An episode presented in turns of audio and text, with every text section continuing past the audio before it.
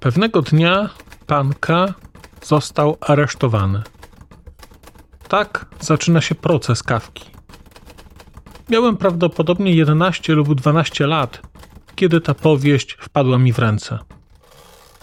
Był to okres otwarcia w Rumunii, około 1968 roku, i tłumaczono wiele dobrych książek z literatury obcej. Pamiętam też, jak ta powieść znalazła się w domu moich rodziców w Radowicach. Mój ojciec pracował wtedy w fabryce mebli i pewnego razu związek zawodowy zorganizował akcję w stylu każdy pracownik nabędzie za pośrednictwem komitetu zakładowego 10 książek. I tak oto pewnego dnia zobaczyłem ojca wracającego do domu z paczką książek. Przez lata stały na półce obok łóżka, gdzie spałem. Stopniowo nauczyłem się ich tytułów na pamięć. Znajdowały się więc wśród nich Proces, napisany przez niejakiego Kawkę, Armia Konna, powieść napisana przez niejakiego Babla, Dusza Zaczarowana, trzy tomy, napisana przez niejakiego e, Romain Rolanda, Śmierć pana Galeta, napisana przez niejakiego George'a Simeona, Człowiek i zjawa, napisana przez niejakiego Adriana Rogoza, Trzej muszkieterowie w dwóch tomach, napisana przez niejakiego Aleksandra Dima. Później zdałem sobie sprawę, że obok mojego łóżka wylądował prawdziwy skarb. Ze wszystkich tych powieści tylko proces mnie zaskoczył. Przez około dwa lata czytałem jedynie pierwsze strony i ponownie do nich wracałem, nie będąc w stanie dobrnąć do końca. A potem, pewnego dnia, przeczytałem książkę w całości. Ta powieść naznaczyła mnie na całe życie. Piszę to wszystko dlatego, że moja powieść Pan K na wolności jest przede wszystkim hołdem dla kawki. Ta książka wiąże się również z pewnym momentem w moim życiu. Wyjazdem z Rumunii w 1987 roku. W rodzinnym kraju nigdy nie zamierzałem pisać powieści, która odnosiłaby się bezpośrednio do kawki. Napisałem tylko sztuki nawiązujące do kawkowskiego świata, w którym żyłem. Dotarłszy do Paryża, przeżyłem szok. Szok wolności. Jakbym wyszedł z więzienia, nie wiedząc, co począć z moją wolnością. Poczułem się nagle jak postać kawki, pan K, ale przeżywający swoją traumę w odwrotnej kolejności. Innymi słowy, nie szok aresztowania, lecz szok uwolnienia. Zacząłem więc pisać powieść Pan K na wolności. To w istocie prosta historia. Mój bohater zauważa pewnego dnia, że został uwolniony. A wolność zdaje się w pewnym sensie anormalnym wydaleniem ze świata, do którego przywykł. Wychodząc na wolność, mój bohater staje się niepewny. Zaczyna mieć tysiące wątpliwości, błąka się wokół zakładu karnego itd. Tak Pisałem tę książkę z pasją przez około 6 miesięcy w pierwszej połowie 1988 roku. W sierpniu 1988 roku wyjechałem jednak z Paryża do pracy w BBC w Londynie. Zabrałem książkę ze sobą, ale nie mogłem jej kontynuować. Właściwie nie wiedziałem, jak ją zakończyć.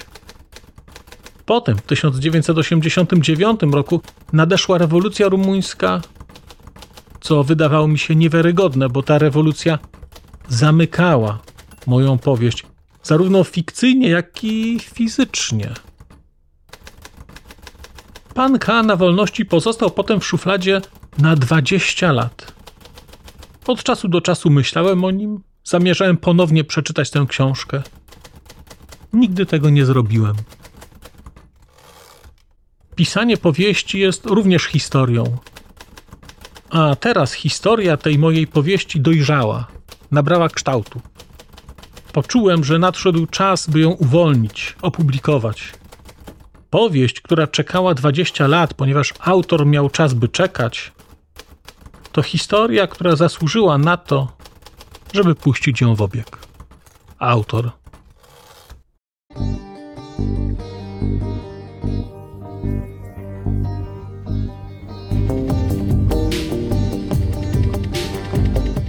Literatura ze środka Europy.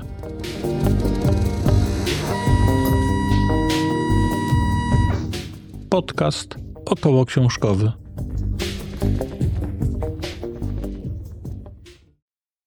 Dzień dobry, witam Państwa. Marcin Piotrowski, podcast Literatura ze środka Europy. Przywitałem Państwa wstępem, który Matej Wiszniek napisał do książki Panka na wolności. No bo o tej książce będę chciał dzisiaj Państwu opowiedzieć. Książka ukazała się w 2019 roku nakładem wydawnictwa Universitas w serii Rumunia Dzisiaj, serii, która niestety, niestety już nie funkcjonuje, a wielka szkoda. Książkę przełożyła pani Joanna Kornaś-Warwas, a znakomitym posłowiem, a znakomitym posłowiem opatrzył książkę pan Jakub Kornhauser. No cóż, na początku y, pozostaje wyrazić smutek, że ta seria już jest zamknięta. Liczę, że jakieś inne wydawnictwo będzie literaturę rumuńską też tak seryjnie wydawać w takim dobrych wyborach, tak selektywnie wybraną. No ale wracając do Matej Wisznieka. Po raz pierwszy Wisznieka przeczytałem dokładnie rok temu i to była książka Sprzedawca początków powieści. I pan Kana Wolności jest zupełnie inny. Bo o ile Sprzedawca początków powieści był postmodernistyczną zabawą, grą formą, rzeczą, która mimo takiego wykrzywionego obrazu rzeczywistości była bardzo dowcipna, to Panka na wolności jest książką do bólu kawkowską rzeczywiście.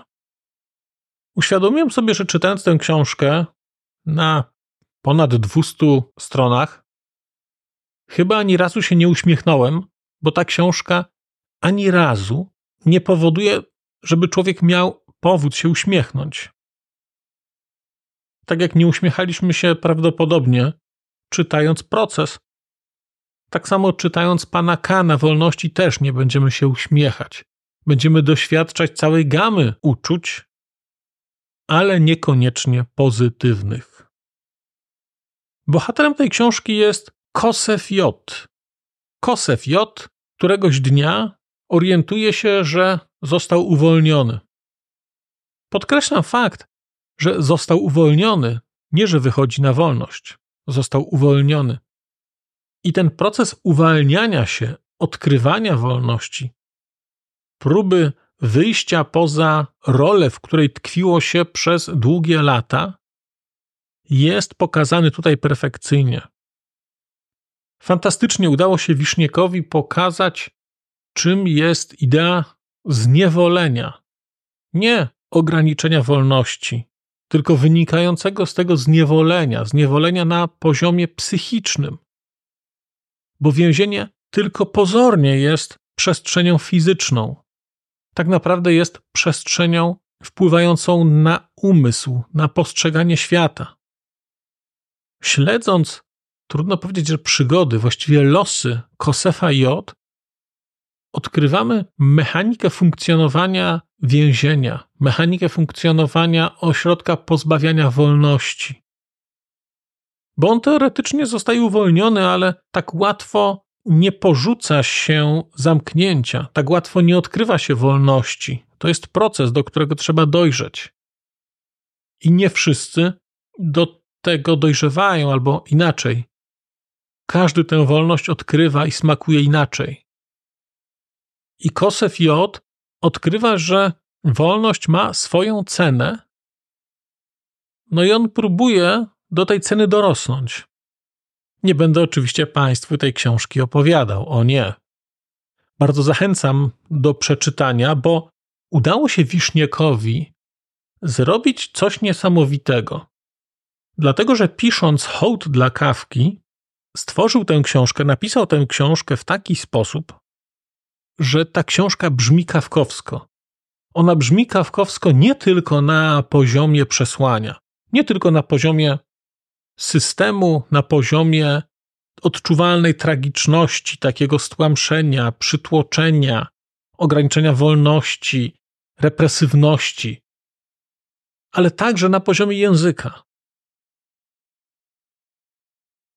Czytając pana Kana Wolności, miałem skojarzenie z Kastorpem Pawła Huelle.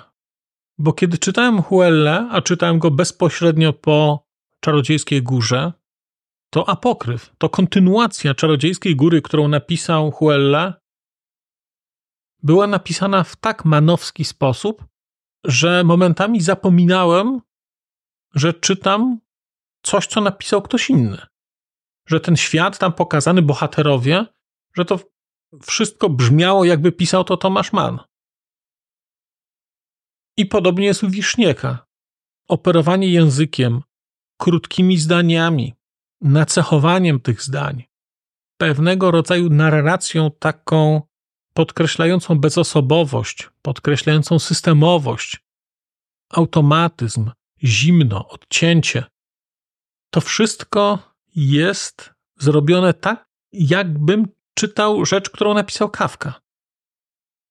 Jednocześnie jest to książka groteskowa, jest to książka absurdalna.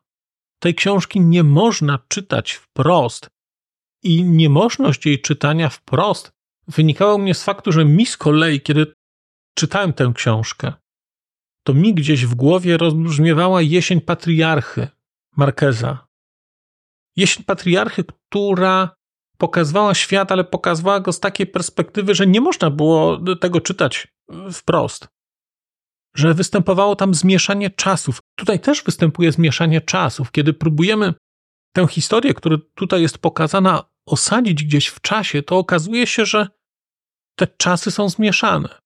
Że mamy z jednej strony furgon ciągnięty przez konie, którym jeździ się do miasta po chleb, a z drugiej strony mamy plastikowe sztućce, mamy megafon na baterię, a jednocześnie jest takie dojmujące przekonanie, że to są czasy nieco wcześniejsze.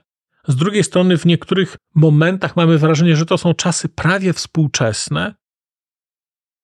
I to tak brzmi bardzo metaforycznie. I na początku miałem wrażenie, że ta książka jest zupełnie odcięta od wątku rumuńskiego. A im bardziej czytałem ją, tym bardziej odkrywałem, że rany. To jest opowieść o Rumunii. Ale co kilkanaście zdań miałem wrażenie, że jednak nie, że jednak to jest opowieść zdecydowanie więcej niż o Rumunii, że to jest opowieść o świecie, że to jest opowieść o człowieku, że to jest historia, która na pewien sposób jest kontynuacją końcowej sceny kobiety z wydm. Jeżeli pamiętacie Państwo pociąg do literatury, w którym razem z Anią podróżowaliśmy do Japonii, to tam jest kończąca scena, co do której mieliśmy bardzo rozbieżne interpretacje. Co dzieje się z głównym bohaterem, kiedy wychodzi z tej nory? I właściwie opowieść Pan Kana Wolności jest jedną z możliwych odpowiedzi na pytanie, co z nim się stało. Czytając Wisznieka, miałem wrażenie, że jestem w świecie Koboabe.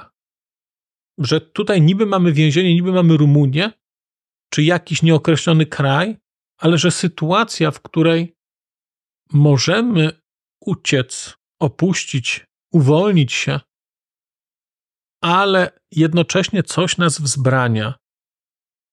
Jakiś lęk, no nie wiemy czy lęk, ale coś nas blokuje, nie możemy uwierzyć, jest bardzo bliska. Przy Koboabe też oczywiście były bardzo wyraźne nawiązania do procesu, więc to łączy te książki, ale w ogóle o tym nie myślałem, kiedy zaczynałem czytać Wiśnieka. Tymczasem po jakichś dziesięciu stronach miałem wrażenie, że rany. To jest dalsza część kobiety z wydm. Literalnie zaczyna się tam, gdzie kończyła się tam ta książka. Na poziomie językowym ta książka jest znakomita. Ona jest bardzo systemowa. Większość postaci w tej książce to są postaci anonimowe. Bycie więźniem oznacza bycie numerem. Bycie więźniem oznacza bycie przezroczystym, niewidzialnym. Imiona w tej książce mają tylko strażnicy. Właściwie strażnicy i Kosef J to są imiona Pozostałe osoby to są osoby bezimienne. Mamy szefa więzienia, który jest pułkownikiem, a pozostali więźniowie to jest osoba ze szramą, mały człowieczek, człowiek bez zębów i tak.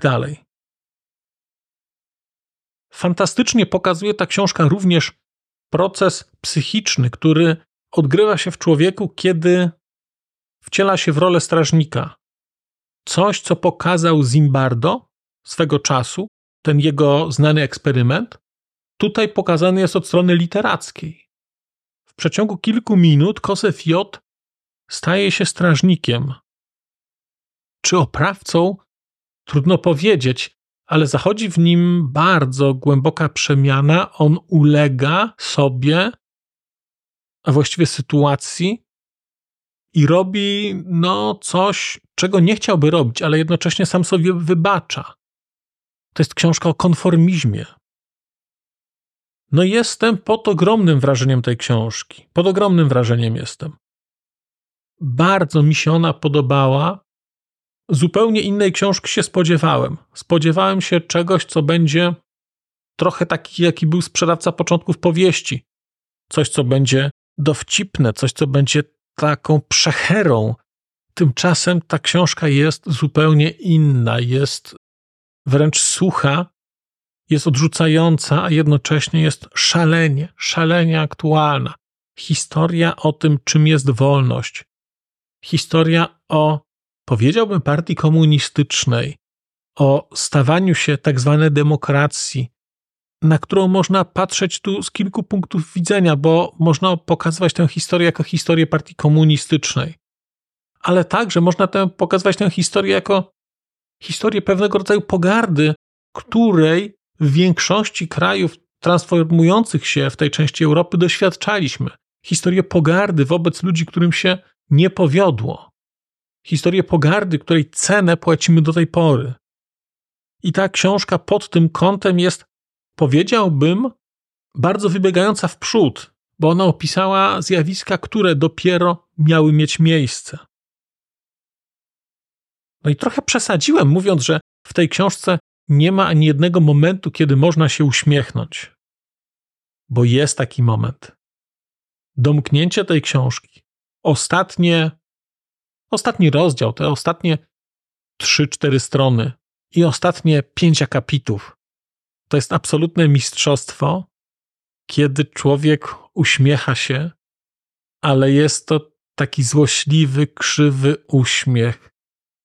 Taki uśmiech, który jest bardzo gorzki i trochę takim uśmiechem ludzi, którzy znają trochę podłość świata i uśmiechają się, bo mówią sobie w głowie: Aha, czyli jednak, czyli jednak, no tak, no tak. Bardzo Państwu tego pana K polecam. Fantastyczne nawiązanie do kawki, przekręcenie go, odwrócenie, a jednocześnie pokazanie, że to odwrócenie niewiele zmienia. Dziękuję bardzo za dzisiejsze spotkanie, za wysłuchanie tej audycji. Jeżeli czytaliście Państwo Matej Wiśnieka, to koniecznie dajcie mi znać, co sądzicie o tej książce. Ja będę czekał na wszelkiego typu komentarze, szczególnie, że literatura rumuńska najpopularniejsza nie jest, więc każdy komentarz na wagę złota, proszę Państwa. Dziękuję za dzisiaj. Powrócę do Państwa wkrótce. Do usłyszenia.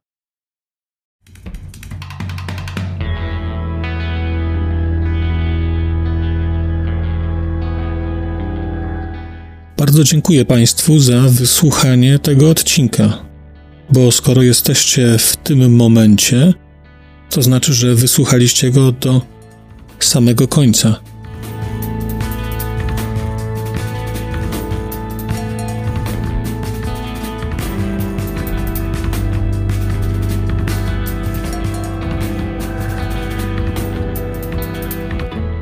Słuchaczy platform podcastowych chciałem zaprosić na kanał na YouTubie, gdzie znajdziecie Państwo te same treści, ale dzięki modułowi komentarzy będziecie mogli wejść w interakcję z innymi słuchaczami tego podcastu i dzielić się swoimi spostrzeżeniami dotyczącymi książek, ale nie tylko.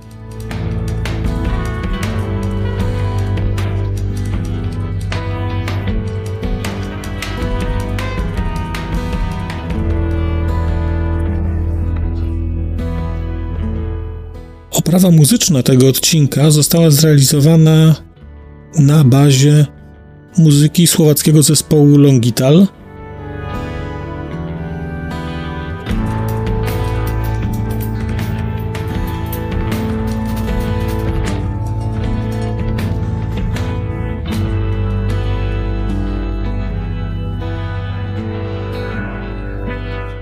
Longital to Wspaniała słowacka grupa, której muzyka jest dla mnie kwintesencją nowoczesnego brzmienia Europy Środkowej.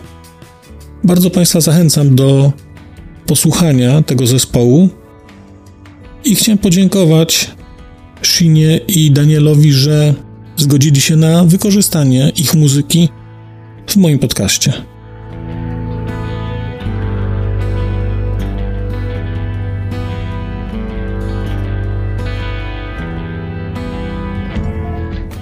Sino a Daniel, ďakujeme vám veľmi pekne, že ste nám umožnili použiť vašu hudbu.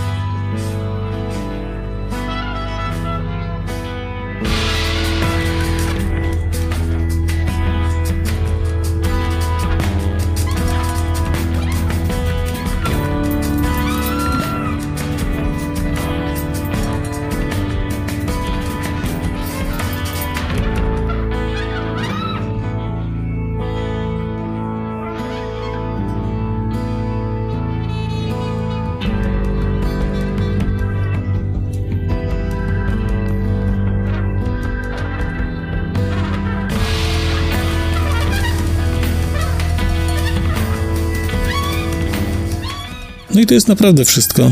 Dziękuję i do usłyszenia.